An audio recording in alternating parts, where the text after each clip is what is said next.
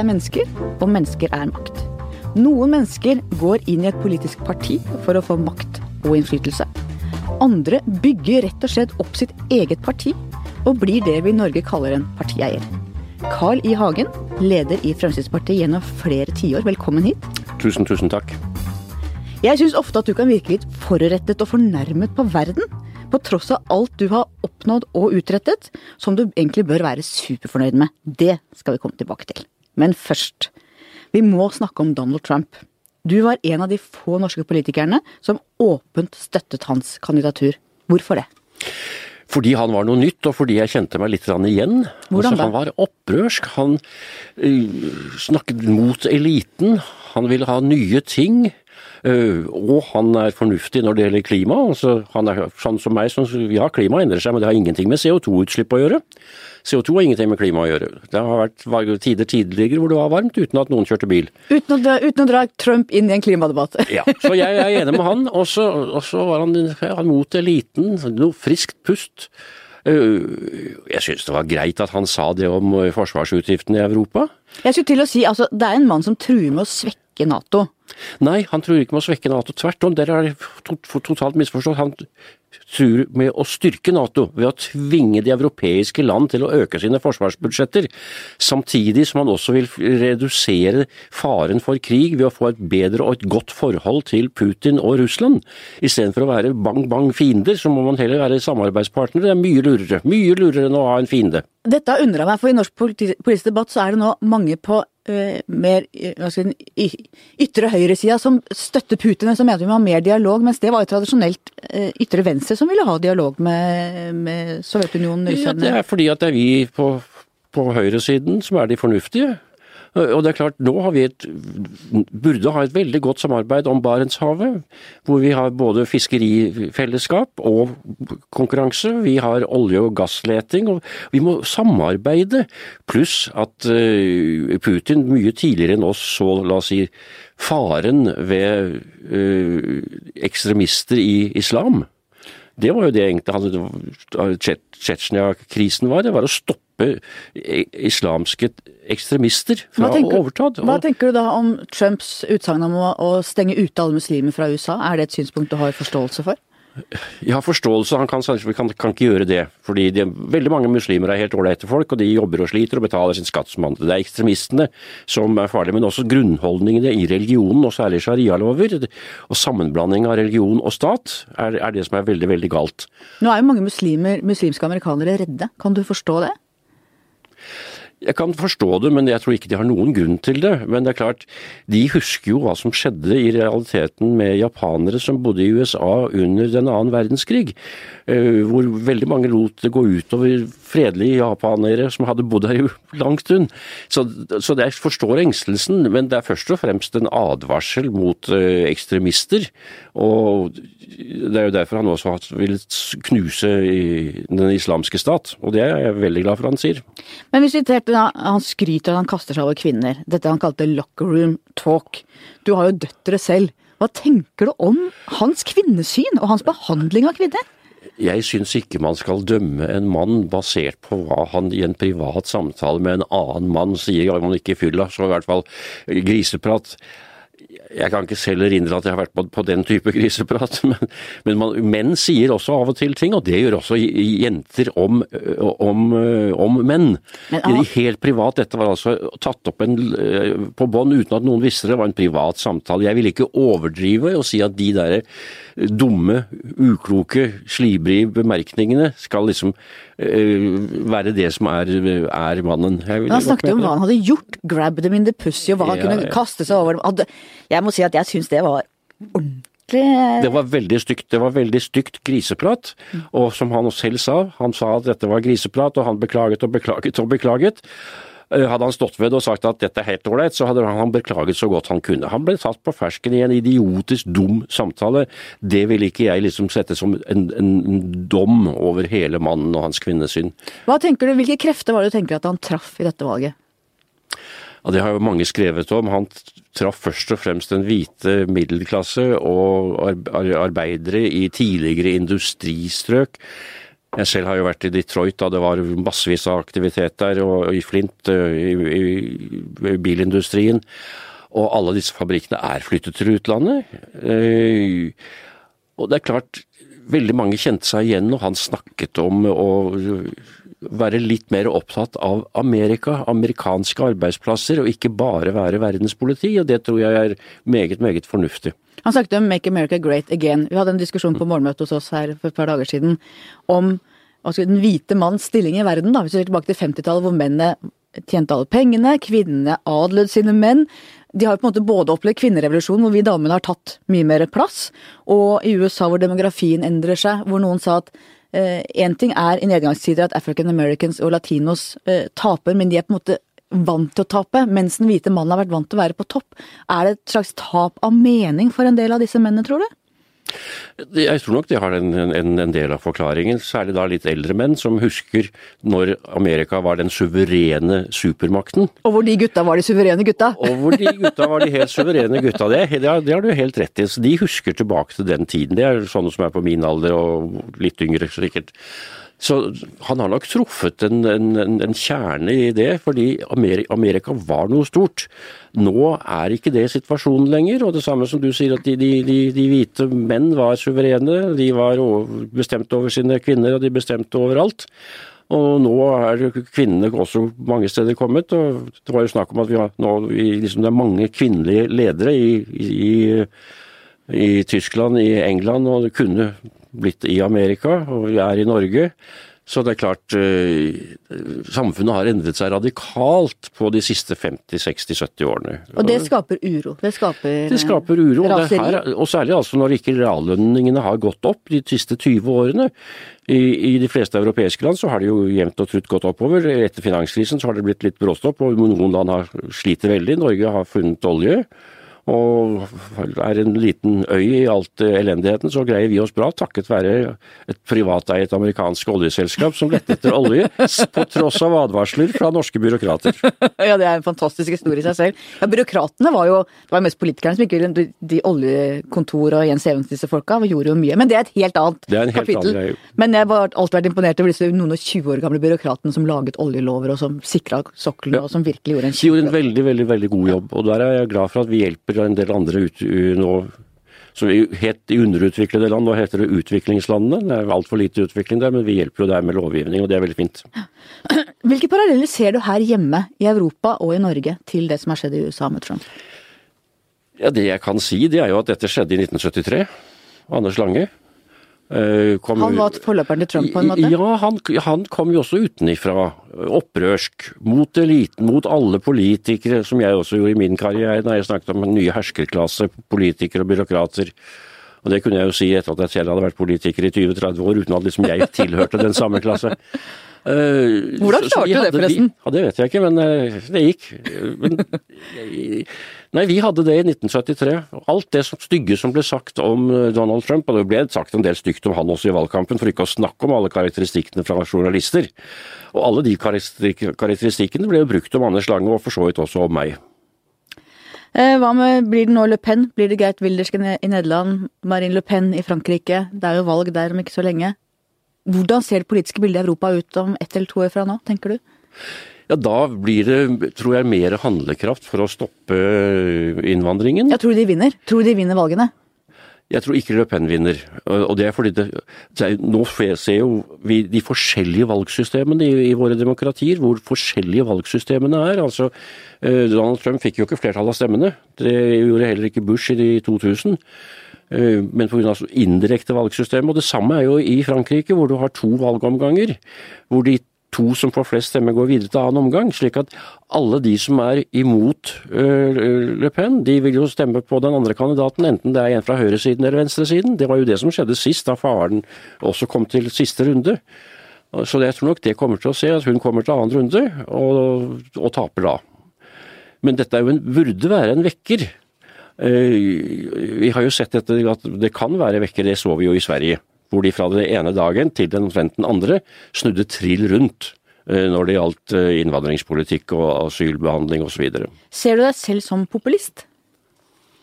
Ja, Jeg har aldri sagt at populist er noe galt, jeg. Nei, for hvordan definerer Jeg- du populisme? Jeg, jeg definerer populist, det er en som er, blir populær for å si de samme tingene som veldig mange andre folk mener. Og som eh, den politiske elite, de korrekte politikere, ikke tør å si. Og Det var det jeg gjorde i hele min karriere. Og jeg sier fremdeles, jeg var og er den lille gutten i keiserens nye klær som sa at keiseren går rundt i underbuksa, mens alle de andre sier så fine klær han sa. Sier de andre statsministrene sier, og så- akkurat samme som om klima, eksempel. Men Trump er jo paradoksalt nok elite, en av USAs veldig rike menn. Fra New York, storby Jo, men ikke den politiske eliten. Han har ikke den, ja, han, han, har ikke vært, han har ikke vært den politiske eliten i, i Washington som har hatt masse, masse omgang og, og, og liksom handlet med senatorer og kongressrepresentanter. Han er en oppkomling, og så er han, er han noe helt spesielt. Altså en, en som du sier er, er rik, har gjort det bra, driver forretning, og i tillegg er er leder i et eh, fjernsynsprogram, et realityshow på TV. Så han skiller seg jo ut helt dramatisk fra den gemene hop, og er veldig, veldig spesiell. Ja, for du sa at du kjenner deg litt igjen i han. Ja, jeg kjenner meg litt igjen i han. Jeg, jeg ser jo utseende og hår og greier. Så nei, Alder, òg? Ja, alder òg. Ja, han er litt yngre enn meg. Han er litt yngre enn deg, unggutt. Du er jo en av de politikerne i Norge som i størst grad tidvis har klart å treffe stemningsbølger i folket. Hvor mye av det du har holdt på med har vært instinkter og følelser, og hvor mye har vært rasjonelle, faktabaserte vurderinger? Det vet jeg ikke. Jeg har aldri foretatt noen undersøkelser. Aldri, Men du aldri, inni deg selv og kjenne etter? ja, inni meg selv og, vurdert. og jeg har truffet en del ganger, ikke alle ganger. Jeg har bomma òg. Men det er jo det som jeg sier litt om livsfilosofi, det er at hvis du ikke våger å, tape og vinne, så får du et kjedelig liv. Og jeg har hatt et spennende liv. Når traff du dårligst? Det vil ikke jeg minne verken deg eller lytterne på. Å jo, Nei, bare litt. Når det gjelder saker innvandring og integrering, der har du vært omstridt, samtidig som du har åpnet debattrommet, satt ord på ting som etter hvert har blitt en del av konsensusen, som for eksempel at de som kommer hit må lære norsk. Og jeg mener at du skal ha noe av æren for at vi ikke har blitt Sverige, der debatten har vært så godt som låst. Hvordan ser du sjøl på din egen rolle i disse spørsmålene? Der er jeg helt enig med deg.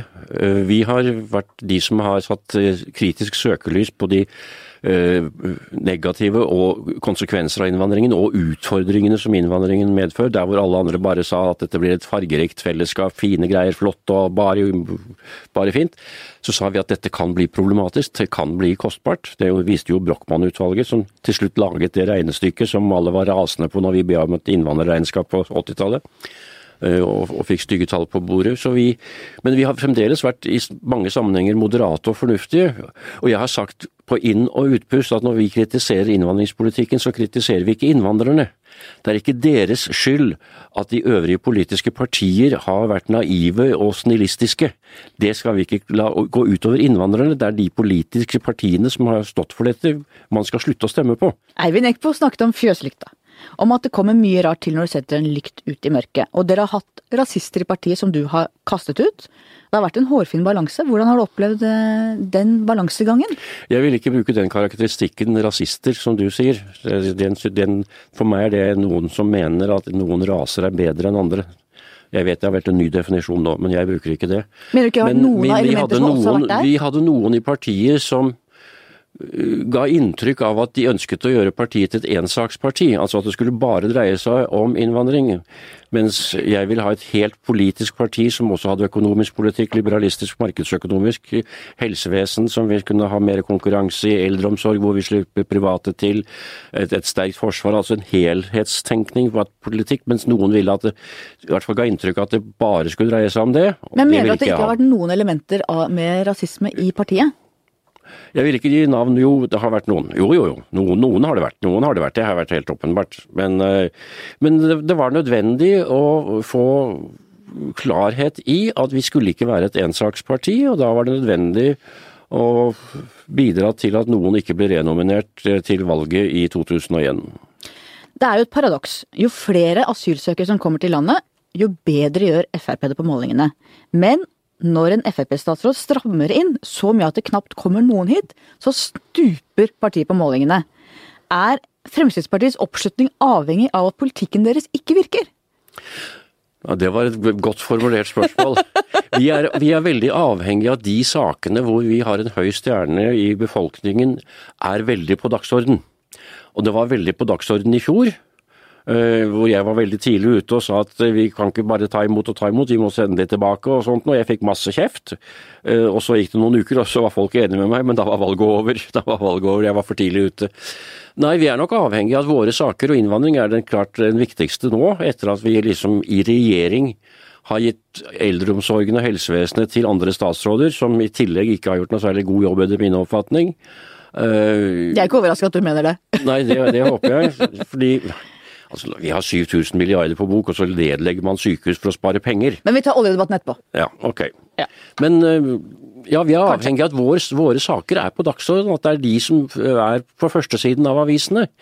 Og det er det ikke når da Sylvi Listhaug har strammet til så mye. Når det ikke kommer masse asylsøkere, og det ikke er hovedoppslaget i Dagsrevyen, sånn som det var i fjor høst, så, så blir det ute av, av, av folks tenk, tenkning og politiske holdninger osv. Da er det andre saker som kommer isteden, hvor vi egentlig kanskje er litt mer i bakgrunnen. Alle part, men dette gjelder jo alle partier. Men da skulle egentlig ikke Listhaug ha stramma inn, da, eller? Jo, jo, klart hun skal, jo, jo, klart hun skal gjøre, og hun har en veldig høy stjerne, og hun gjør en god jobb. Men det er klart alle politiske partier er avhengig av at det er deres gode saker som er på dagsorden. Altså, Neste valg dreier det seg om innvandring og integrering, så gjør Fremskrittspartiet det bra. Hvis valget dreier seg om arbeidsledigheten, så er det Arbeiderpartiet som gjør, seg, gjør, gjør det bra. Tilbake til integreringsdebatten. Det er to sider i den debatten hvor jeg mener at begge sider har rett på noen punkter, og at man burde velge det beste fra begge. Integrering er en tosidig prosess. Man må stille krav til de som kommer, og man må stille krav til de som skal ta imot de som kommer. Kjempe for at nykommerne gjør det de kan for å komme inn i det norske samfunnet, akseptere våre verdier, og kjempe mot rasismen, som vi vet at møter mange nykommere. Hvordan tenker du rundt dette? Det der er jeg helt enig med deg, eh, men jeg vil legge mest vekt på at det er de som kommer hit eh, som skal tilpasse seg det norske kultur, norske forhold, og, og, og, og bli en del. Jeg, jeg tror jeg vil si at det- jeg er ikke fremmed for å si at man kanskje skulle i større grad sett snakke om assimilering istedenfor integrering, men det er de som har det hovedansvaret for å følge skikker. When in Rome, do as the Romans. Det er en noe vi lærte tidligere, at du, du må tilpasse deg Hvis du flytter fra et sted til et annet, så må du tilpasse deg skikk og bruk til det stedet du flytter til.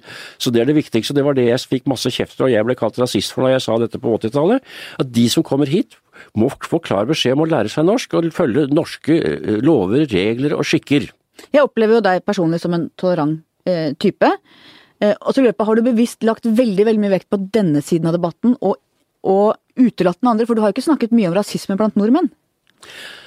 Nei, jo, jeg, jeg har snakket eh, om at veldig mange av de som er kommet hit, jobber og sliter og kjører drosje og, og betaler sin skatt og er lovlydige. Vi må ikke la dette gå utover alle.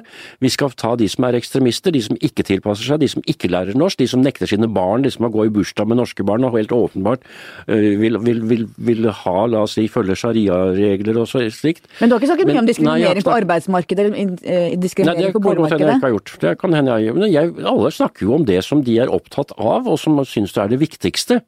Eh, på alle spørsmål jeg har fått, så har jeg alltid tatt avstand fra, eh, fra rasistiske holdninger og diskriminering som følge av, av hudfarge og religion og slike ting. Ja, jeg syns ofte det har vært synd Jeg syns debatten er ganske god i Norge og har blitt stadig bedre, men jeg syns jo tidvis at, at venstresida har vært veldig opptatt av rasismebiten, mens høyresida har vært veldig opptatt av kravbiten. At jeg skulle ønske at man nettopp klarte å forene litt av begge sider, fordi at det handler om en tosidig affære. Ja, jeg er ikke enig i at det er så veldig tosidig. De som er kommet hit må tilpasse seg våre forhold. Vi skal ikke endre det norske samfunnet. Eh, Fordi politiske partier har lagt veien åpen for en betydelig innvandring, og særlig når det har vært en innvandring altså fra utenfor Europa, med en helt annen religion, helt annen kultur, helt andre verdier. Nei, de som kommer hit må tilpasse seg oss der. Det syns jeg er Det er ikke vi som skal endre det norske samfunn. Men så må de få en sjanse, hvor de må Ja, få samme får- tilgang på boliger, jobber, den type ting. Ja, Hvis de tjener sine penger og jobber, så har, kan de jo delta på markedet, og det gjør de jo også. Men, men der har vi jo sett det. Og det er jo en av de store utfordringene nå i Oslo, hvor det er tre bydeler som har minoritetsflertall, og hvor faktisk prisene utbyggere sier at vi kan ikke bygge visse steder i øst i Oslo, for de får ikke solgt leilighetene til en pris eh, som dekker kostnadene ved å bygge. Mens de på Oslo vest uh, tjener masse penger på å bygge, for det er en enorm forskjell. Og Det betyr at vi også risikerer å få parallellsamfunn hvor vi får, får, deler av byen hvor det bare bor innvandrere. Og Det kommer til å bli en utfordring, for da blir det enda vanskeligere å få de til å lære norsk og få barna til å følge lover og skikker som vi har i landet vårt. Så vi er inne i en veldig stor utfordring i, i Oslo når det gjelder dette. Og Jeg tror ikke vi er enige om utfordringen. Jeg ser den utfordringen veldig. Jeg er ikke sikker på om vi er helt enige om løsningene. Men la oss gå videre. Hva er det viktigste for Frp? Er det oppslutning eller innflytelse? Få gjennomført politikk. Og helt åpenbart få gjennomført mest mulig av politikken til beste for folk flest. Men nå sitter de i regjering og går ned på meningsmålingene, og du blir litt surmaga av det? Ja, jeg syns de gjør en del dumme ting. Eh, jeg, syns de helt åpenbart kunne stått hardere på på en del områder. Særlig er jeg skuffet når det gjelder helsevesenet og eldreomsorgen. Men ligger det ikke i sakens natur at når man sitter i en regjering sammen med et annet parti, så må man inngå kompromisser? Og at jo. du er ikke så kompromissvillig som partiet opplever at de må være i denne situasjonen? Da. Det som jeg syns var feil, det var at, de, at, at de fire begynte forhandlinger, var veldig fint. Men når det ikke ble en flertallsregjering, da skulle de jo ikke være bundet av en avtale med Venstre og Kristelig Folkeparti, og frasi seg muligheten til i visse saker å samarbeide med Arbeiderpartiet.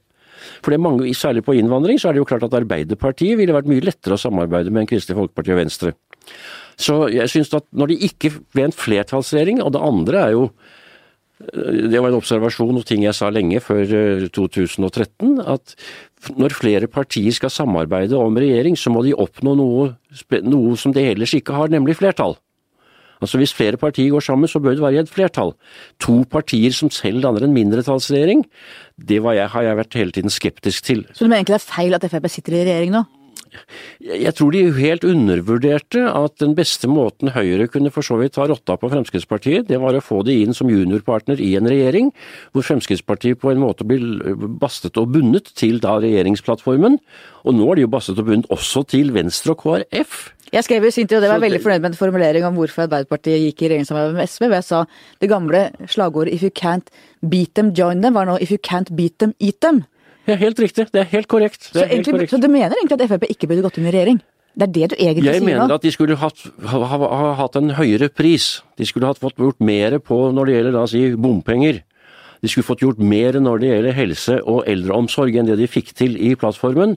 Og de skulle fått eh, helt klart et eh, større handlingsrom når det gjelder la oss si, handlingsreglene og bruk av oljepenger eh, enn det som er, skjedd. Og det fikk de ikke, og da mener du at de burde sagt nei? Ja.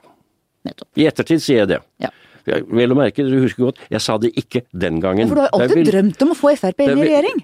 Har du ikke det? Ja, jo, men jeg jo, har jo alltid sagt at uh, det var et uendelig mye bedre at Fremskrittspartiet var stort og dannet regjering alene.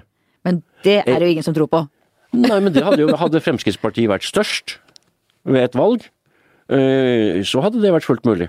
Men da mener, man, fall, da mener, du at man skal prioritere oppslutning, i hvert fall i første omgang, til man blir stor nok til å kunne ha Oppslutning er nødvendig for å få makt og innflytelse, og vi fikk altså 16,7 ved siste valg.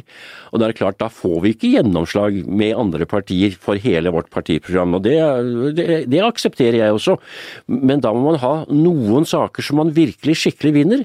Og så syns jeg, har jeg også sagt, at regjeringen i langt større grad burde være åpen om hvem som vinner og hvem som taper. Du er jo egentlig en evig outsider mens Siv Jensen tydeligvis trives veldig godt innenfor. Er det den største forskjellen mellom dere to? Er det kjernen til de konfliktene vi har sett mellom dere to? Det er nok en betydelig, betydelig forskjell, ja. Jeg sa alltid at eh, vi skal i regjering, men det er et virkemiddel for å gjennomføre politikk, ikke et mål i seg selv å være i regjering.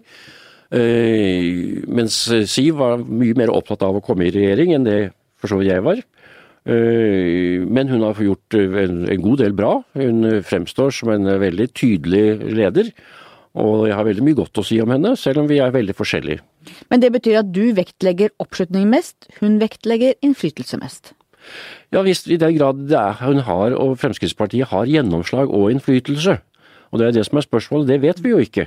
Du har vært en ganske vanskelig sjuende far i huset for Siv Jensen. Du sa jo egentlig da du slutta at du skulle gå helt ut, overlate ansvaret til nestemann, og nå er du For å si det sånn, Hadde jeg vært Siv Jensen, så hadde jeg vært rasende på deg. Det tror jeg kanskje hun er òg. Det er hun helt sikkert. det er hun helt sikkert. Da må hun og du tenke på alle de gangene jeg ikke har sagt noe. Jeg kritiserte ikke regjeringsdannelsen. Det er mange ganger jeg hadde hatt lyst til å gå ut i det offentlige rom og si fra. Det har jeg ikke gjort. Mange, mange, mange Men er du enig i at du brøt med det du sa om at hun skulle få en ordentlig real sjanse? Nei. Nei, fordi de første årene, fra 2006 da hun overtok som partileder etter at jeg gikk av, og parlamentarisk leder, og jeg var visepresident i Stortinget, da holdt jeg meg langt unna.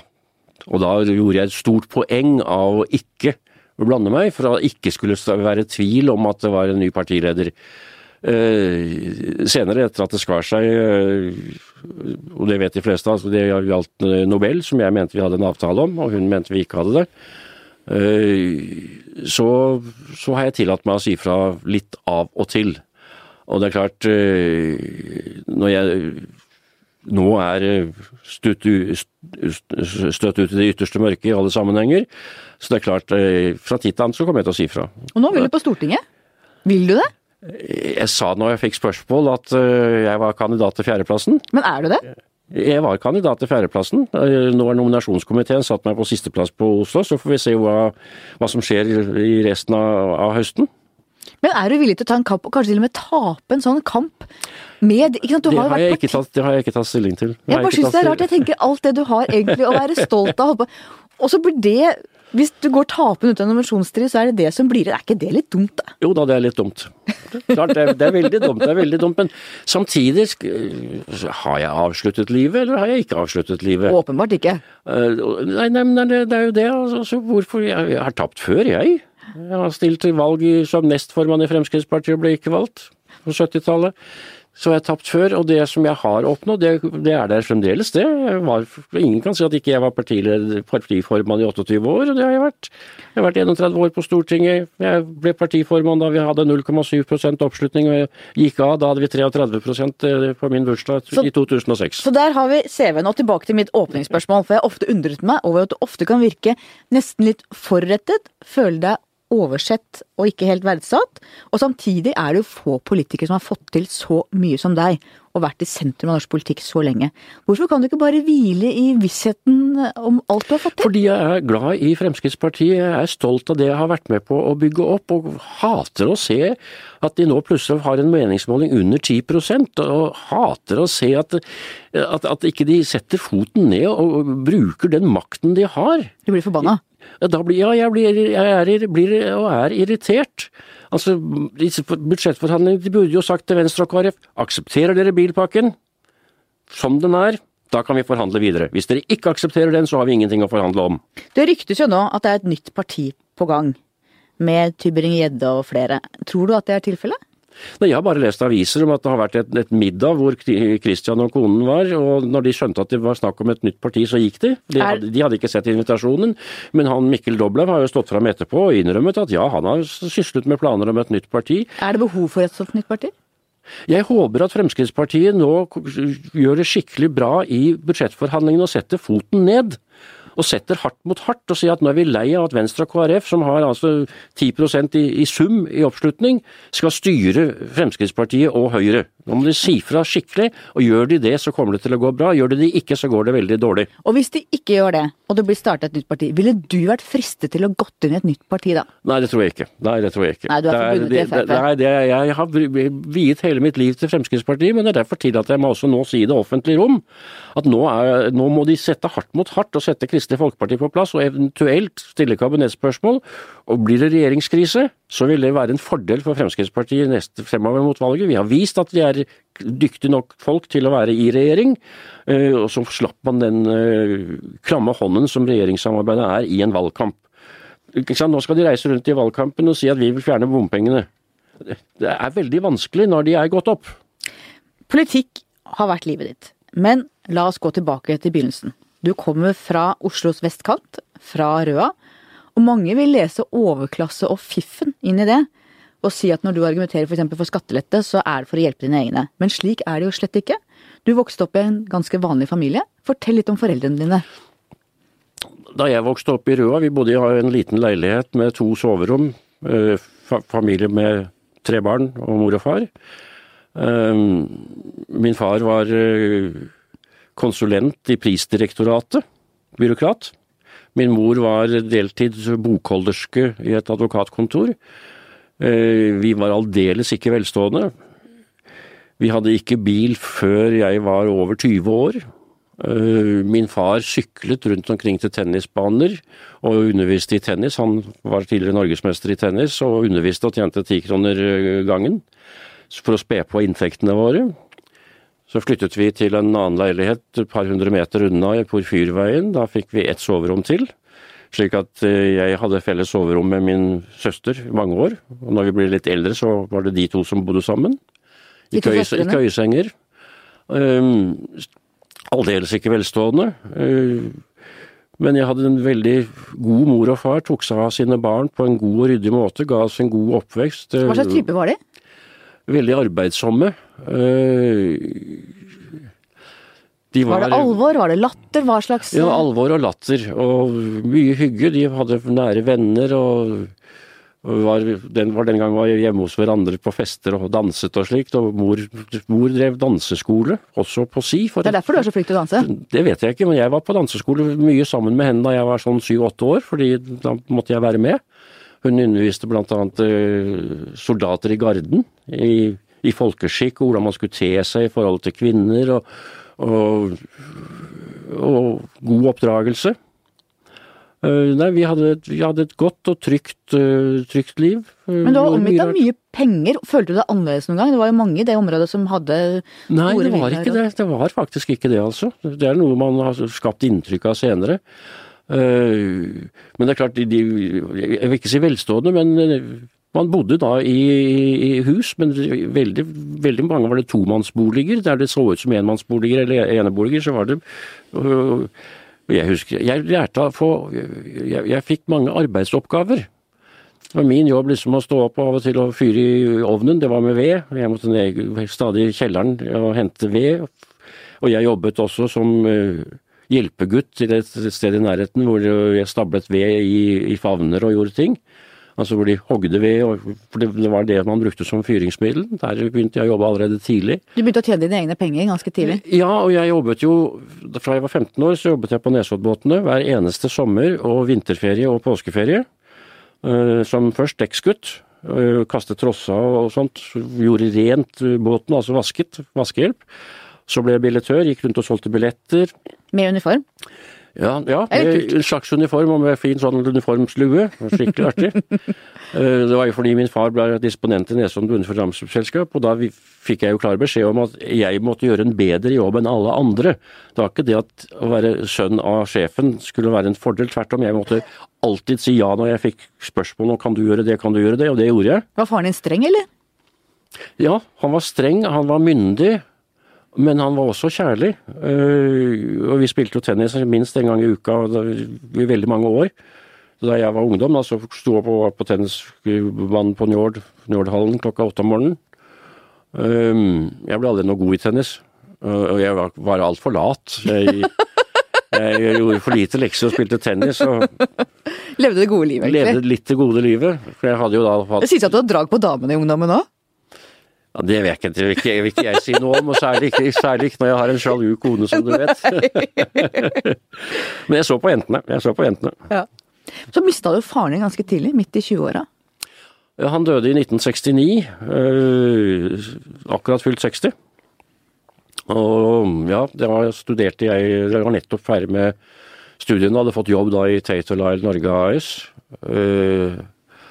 Så han døde veldig tidlig. Veldig, veldig tidlig. Det var veldig trist. Var det brått, eller? Ja, på en måte. var det, Han hadde hatt angina pectoris, altså hjerteinfarkt, i mange år, og gikk jevnlig til kontroll, og hadde vært på sykehuset. Og, og var for så vidt hadde hatt vondt og kom på sykehuset. Og Vi var og besøkte han, og han sa at han, professor Aas hadde vært innom og sagt at han skulle skrives ut på, på mandag. Og klokken tolv om kvelden så døde han. Så det, vi, vi, det, siste vi møtte han, det var at da skulle han skrives ut, så det var på bedringens vei. Ja. Så gikk det gærent. Ja. Hva har, hva har det betydd for ditt liv at du mistet han så tidlig?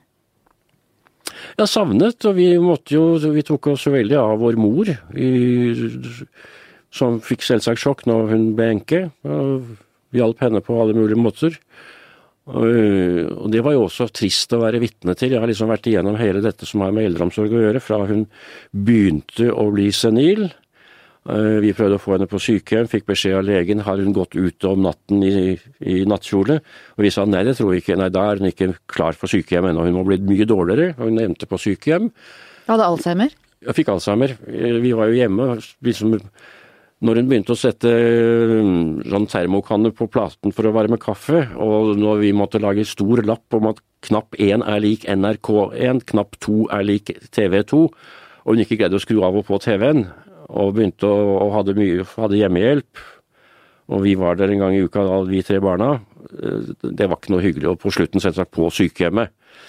Det siste året, hvis, hvis jeg trodde at hun kjente meg igjen, så hadde jeg en god dag. Med andre ord, mange ganger var det helt åpenbart at hun ikke ante hvem som satt og matet henne. Og det er ikke noe hyggelig å se, se, se en slik uh, slutt på livet. Du mistet henne på en måte to ganger? Ja. Ja, mm. ja for det siste året så måtte vi mate henne. Er det her utspringet til sterke engasjement for eldreomsorg ligger, tror du? Nei, jeg har alltid hatt en oppdragelse om at uh, du kan vurdere et, et, samfunn basert på hvordan man tar vare på de eldre. Uh, og der har vi noe å lære av en del andre kulturer. Hvor eldre mennesker har en helt annen betydning, og hvor man har en helt annen forpliktelse til å ta seg av sine egne eldre. Tilbake til deg og dine yngre år. Det tok noen år før du begynte å ta ordet i forsamlinger. Og i dag er det ganske rart å tenke på, egentlig. Fortell om veien fram til folketaleren Carl I. Hagen. Ja, jeg var nervøs. Eh, jeg vet ikke, men jeg var alltid nervøs for å dumme meg ut. Jeg likte ikke å dumme meg ut i klassen. Og i min klasse på gymnaset, hvor jeg hadde gymnasiesamfunn, så var det mange veldig dyktige mennesker. Jeg tror vi hadde en gang i klassen min tre styremedlemmer i Gymnasiastsambandet, som er altså hele Norges. Eh, så jeg satt i gymnasiesamfunnet, og det var noen som holdt foredrag, og vi stilte spørsmål og hadde innlegg og debatt. og Jeg tenkte jeg skulle si sånn og sånn, og hjertet banket, og jeg ble så nervøs, turte ikke å gå opp. Fordi jeg var redd for å dumme meg ut. Eh, men så gikk jeg på tale- og debatteknikkurs.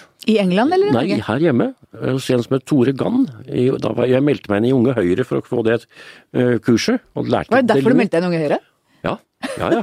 det var ikke fordi du likte Unge Høyre? Jo, jo, jeg var jo Høyremann. Ja, du var altså, Høyremann. Ja, ja, ja, Det var de, det politiske partiet jeg følte best. Og det var toneangivende i min klasse den gangen. Så eh, jeg, jeg lærte veldig mye.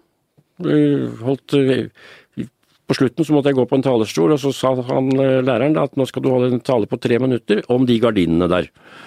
Og så var det å begynne å snakke. Men det var i England jeg slapp meg løs, fordi der var det ingen som kjente meg. Der, der var det ingen som jeg kunne dumme meg ut overfor. Fordi det er jo, det er jo dine kjente du ikke vil dumme deg ut. Fremmede spiller ingen rolle, og der var det alle sammen fremmede. Så og der fikk jeg etter hvert eh, skjønte at jeg var ikke så dum når det gjaldt en del ting, og lærte å og der fikk du selvtillit? Ja, der fikk jeg den nødvendige selvtilliten. Noen vil si litt for mye, eller? Også, og samtidig, jeg lærte veldig mye om organisasjon. Organisering. Dette var jo 1968, 68-generasjonen. Jeg var jo med Det er ikke noen type 68-er? Nei, nei, nei, nei, men jeg var med, med i den fordi det var, en, det var en kamp om eh, lederskapet i, blant studentbevegelsen. Om det skulle være ytre, altså AKP-ML, eller Arbeiderpartiet. Konservative eksisterte ikke. Og da var jeg på, la oss si, Arbeiderpartiets not mot AKP. Hører dere Jonas Gahr Støre, Jens Stoltenberg og alle? Carl I. Hagen var på Arbeiderpartilinja den gangen. Ja, jeg var det. Ja. Det, var, det var det eneste alternativet. Og jeg stilte jo som eh, kandidat til Deputy President i National Union of Students i England, altså den nasjonale studentunion, hvor 800 utsendinger, visepresidenter og visepresidenter i alle de lokale universitets Eh, studentunionene. Det var skikkelig moro. Det var kjempegøy. Jeg tapte, selvsagt. Men, eh, er det sant at det er et hus i Newcastle på studiecampet som heter Carly Hagen House? Carl Hagen House. Carl Hagen ja, det ble hengt, ja. Det er etter deg? Det er etter meg. Men jeg vet, om det er der ennå, det aner jeg jo ikke. Men jeg husker altså jeg tapte dette valget. Det var Jack Straw som vant, som hadde kommet til meg i Newcastle for å få min støtte. Han var da AKP-melder, og han ble senere både utenriksminister og innenriksminister i England. Eh, da, startet, da du starta Frp, så var det noen kranglete år også for deg personlig. Du ble skilt, du bodde på hybel på partikontoret, hadde lite penger og mye energi. Fortell om den tiden. Det var en veldig vanskelig og tung tid.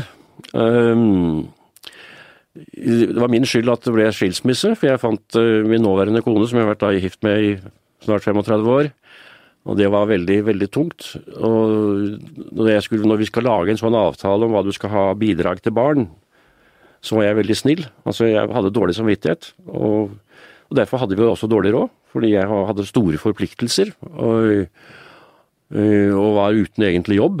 Etter at jeg hadde vært i Stortinget i tre år, fra 74 til 77, så ble vi kasta ut. Arbeidsledig og nyskilt? Ja, arbeidsledig omtrent og nyskilt, og begynte da å jobbe med, sammen med en som var øh, da formann i Oslo Fremskrittsparti. Eh, ikke noe lukrativt. Nei, det var, det var, en tøff og vanskelig tid, men det var selvsagt en lærerik tid. Vi hadde, eh, eller jeg hadde dårlig råd. Eh, og så kjøpte vi oss et hus nærmere mine barn. for Vi bodde da først noen år på Stovner, og så mine barn bodde da i Bærum. Og det er som, som du sier, jeg vekslet, bodde også en del på kontoret i Kongens gate. Så nei, det var en tøff tid, men vi hadde godt av det. Kjøpte et hus som var altfor dyrt. Det kan, ungdommen i dag ikke klager over lånebetingelser. Vi hadde altså et førsteprioritets pantelån til 14,5 rente, og et annenprioritets pantelån til 15,5% rente. Og det var, det var, noen tøffe år. Men selvsagt, det er gått bra, fordi etter hvert som La oss si lønningene gikk jo også opp tilsvarende, så etter, etter noen år så gikk det bedre. Du malte bilen til Eli med grønn maling med pensel, er det riktig? Det er riktig, det er riktig. Den var meget rusten. Jeg hadde jo ikke noe bil, så hun hadde en, en, en rustholk, og den malte jeg med pensel. Du må ha vært skikkelig forelska, da? Ja, helt riktig. Du møtte henne. Visste du med en gang at det var henne? At hun var den store kjærligheten? Nei, du vet jo aldri det med en gang, men du øh, blir for, for, for gapt og veldig opptatt. Det gjør du. Det gjorde i hvert fall jeg. Mm. Og hun har vært med deg gjennom tykt og tynt, gjennom alle ulike faser i Frp, med oppturer og nedturer, utrenskninger, svik, konflikter. Hva har vært det tyngste for deg personlig i alle disse årene i partisammenheng? Det har vært flere veldig, veldig tunge øyeblikk. Jeg tror nok et av de tyngste øyeblikkene var når, når jeg måtte si, eller skrive eller si til avisen Fremskritt at uh, når Fridtjof Frank Gundersen stemte imot sitt eget parti i en sak, så var ikke det noe god søknad for å bli renominert. Fridtjof hadde et nært forhold i veldig mange år, og jeg vet ikke hva som skjedde, men han, han, han havnet på den andre siden i denne interne striden med, med, flere av de som var opptatt av å gjøre Fremskrittspartiet til et ensaksparti. Så det var vondt. Det var vondt. Og livet sjøl, har politikerlivet hatt en pris? Ja, det har det klart. Fordi som du sa, at vi har hatt forskjellige kamper. eh, og da ble det vanskelig å ha nære venner. Ja, for du har ikke mange nære venner. Har, har, du noen nære venner? Vi har, har nok, ja, det tilhører litt privatlivet, men, men det å det å hele tiden av og til oppleve at noen du har stolt på og trodde var på din side, plutselig gjør det motsatte.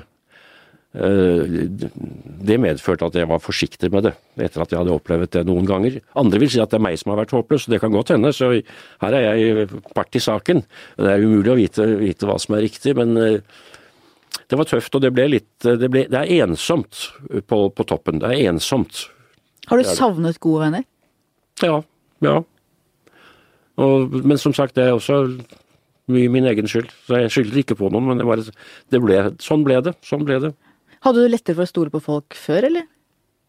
Ja, til å begynne med, ja. Helt klart. Eh, men de, de to store vanskelige situasjoner, det var landsmøtet på eh, kalt Dolkesjø. Da de ytterliggående liberalister eh, for så vidt ble støtt litt ut. Og så var det i nominasjonsprosessen år 2000 hvor det skjedde. Hva med venner i andre partier? Det sies ofte at det er lettere å knytte vennskapsbånd i andre partier enn i eget parti. Ja, fordi det er en helt annen type, og om ikke vennskap, så kollegiale. Så det jeg har jo hatt, syns jeg, et veldig godt forhold til særlig mange i Arbeiderpartiet, og, da, og SV. Og Hvem da, for eksempel? Nei, jeg vil ikke nevne navn. Jo, jo, det, kan, nei, det kan være en belastning for dem. nei, men det var mye lettere å ha et greit forhold, fordi vi var liksom uenige politisk. Mens høyrefolk de liksom av og til oppførte seg sånn om vi ikke hadde noe rett til å eksistere. Litt sånn overbærende og arrogante at dette Fremskrittspartiet de, de, Vi har egentlig ikke lov til å være der, for de var vant til at de aldri fikk noen angrep om at de var for lite interessert i markedsøkonomi, og de ga for lite skattelettelser, og de var for glad i byråkrater og sånt. Og det, det var de ikke vant til. Så for da kommer vi nemlig, Nå hopper du litt, nemlig til for, litt forhold til Høyre. For du var jo med i Unge Høyre som unggutt, men det ble aldri deg og Høyre. Eh, og du, du er ganske Du liker ikke Høyre-folk så godt? Mange gode høyrefolk òg. Masse snille og skikkelige høyrefolk. Jeg har ikke noe problem med det, men det er altså lett vanskeligere å komme inn på. Var, og de har en tendens til å være litt arrogante. De var, har vært veldig nedlatende overfor Frp? Ja, ja, de har vært det. De har vært det. Og særlig da, da vi kom inn igjen, eller det ble kasta ut av Stortinget, da koste de seg i 1977. Og det var da liksom jeg sa til meg sjøl jeg skal jammen komme tilbake, dere skal få ta det innover dere. Og det gjorde vi jo da i 81. Uh, og i 97, da dere ble nest største partiet, det husker jeg godt, for da insisterte dere på selvfølgelig at dere skulle inn på møterommet til Høyre, kontorene til Høyre, og de syntes det var ydmykende, og jeg tror du elska å ydmyke dem da. Ja, det er klart. Ja. Det var skadefri. skadefri, det, er lov til å være det. det er klart. Altså, I årevis hadde de sett ned på meg, når vi ble større enn de på, på Stortinget, så var det ikke en større stortingsgruppe. Og vi, vi, fikk jo ikke det byttet, for de var i 97. Vi fikk det senere, men ikke i 97, for da rotta de seg sammen alle de andre partiene og administrasjonen i Stortinget mot oss. Så, nei, er, det litt, så, er, det litt, som når nyrike ikke ble akseptert av den gamle overklassen? Ja, akkurat. Ja, helt riktig. Det er en god sammenligning. Meget god sammenligning. Um, litt tilbake til venner i andre partier. Hvem i andre partier liker du godt? Du skal ikke si hvem, har, nær, hvem du liksom har hatt uh, godt forhold men hvem er det du syns er ålreite folk, da? Uh, jeg jobbet godt sammen med Jens Stoltenberg, uh, som er en veldig likende kar. Andre, andre, liksom likte ikke at pressen så at de var på besøk på meg på mitt kontor. Altså, hva var det, hva som skjedde? Han var aldri noe problem i det hele tatt. Så Jens hadde jeg et godt forhold til. Uh, I Hanna Kvanmo så hadde jeg mange gode samtaler med. Hun døde jo altfor tidlig. Uh, Arnt Henriksen, som jeg var Balkanhjørnet i finanskomiteen med noen år. Vi var urokråkene. Um, jeg kunne gå gjennom Bjarne Håkon Hansen, som du hadde her hos deg nydelig. Syns jeg jeg hadde et godt forhold til. Han er kanskje den mest sånn folkelige av de som er Han er den mest folkelige, ja. Største konkurrenten til dere, egentlig? Ja, han hadde vært en meget farlig konkurrent hvis han var leder i Arbeiderpartiet. Du er ofte god til å analysere. Hvordan ser du det politiske landskapet før stortingsvalget i 2017? Kommer helt an på hva som skjer nå om noen uker i budsjettet for 2017. Du ønsker egentlig at Frp skal gå aleine, du? Nei, jeg ønsker at, skal, at, at, kommentatorene skal si Fremskrittspartiet og Høyre satte foten ned for KrF og Venstre og tvang de igjen til å stemme for masse de var uenige og de måtte svelge hele bilpakken. Det ønsker jeg. Da, vi, da er vi på offensiven.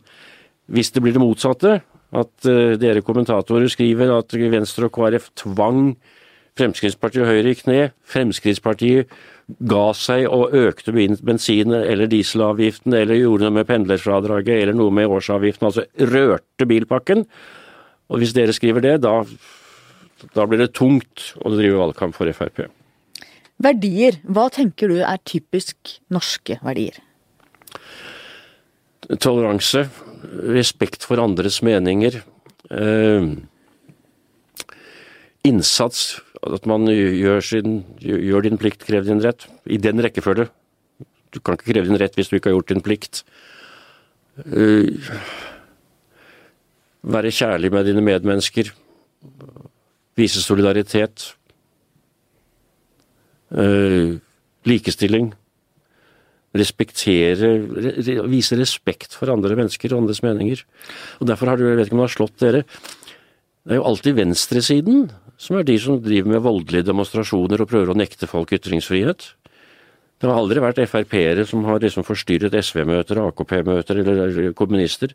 Det er mine møter og Fremskrittspartiets møter som er ødelagt av voldelig pøbel og, og, og, og kommunistfascistene i Blitz-miljøet. Og det samme ser vi nå i, i Amerika, hvor det er de som demonstrerer mot demokratiet, det er jo ikke, er jo ikke de på høyresida, det er de på venstresida. Nå tror jeg nok hvis Trump hadde tapt at det hadde satt veldig annerledes ut i gatene da òg. Det, det, kan godt hende. Kan det tror jeg er ganske sikkert.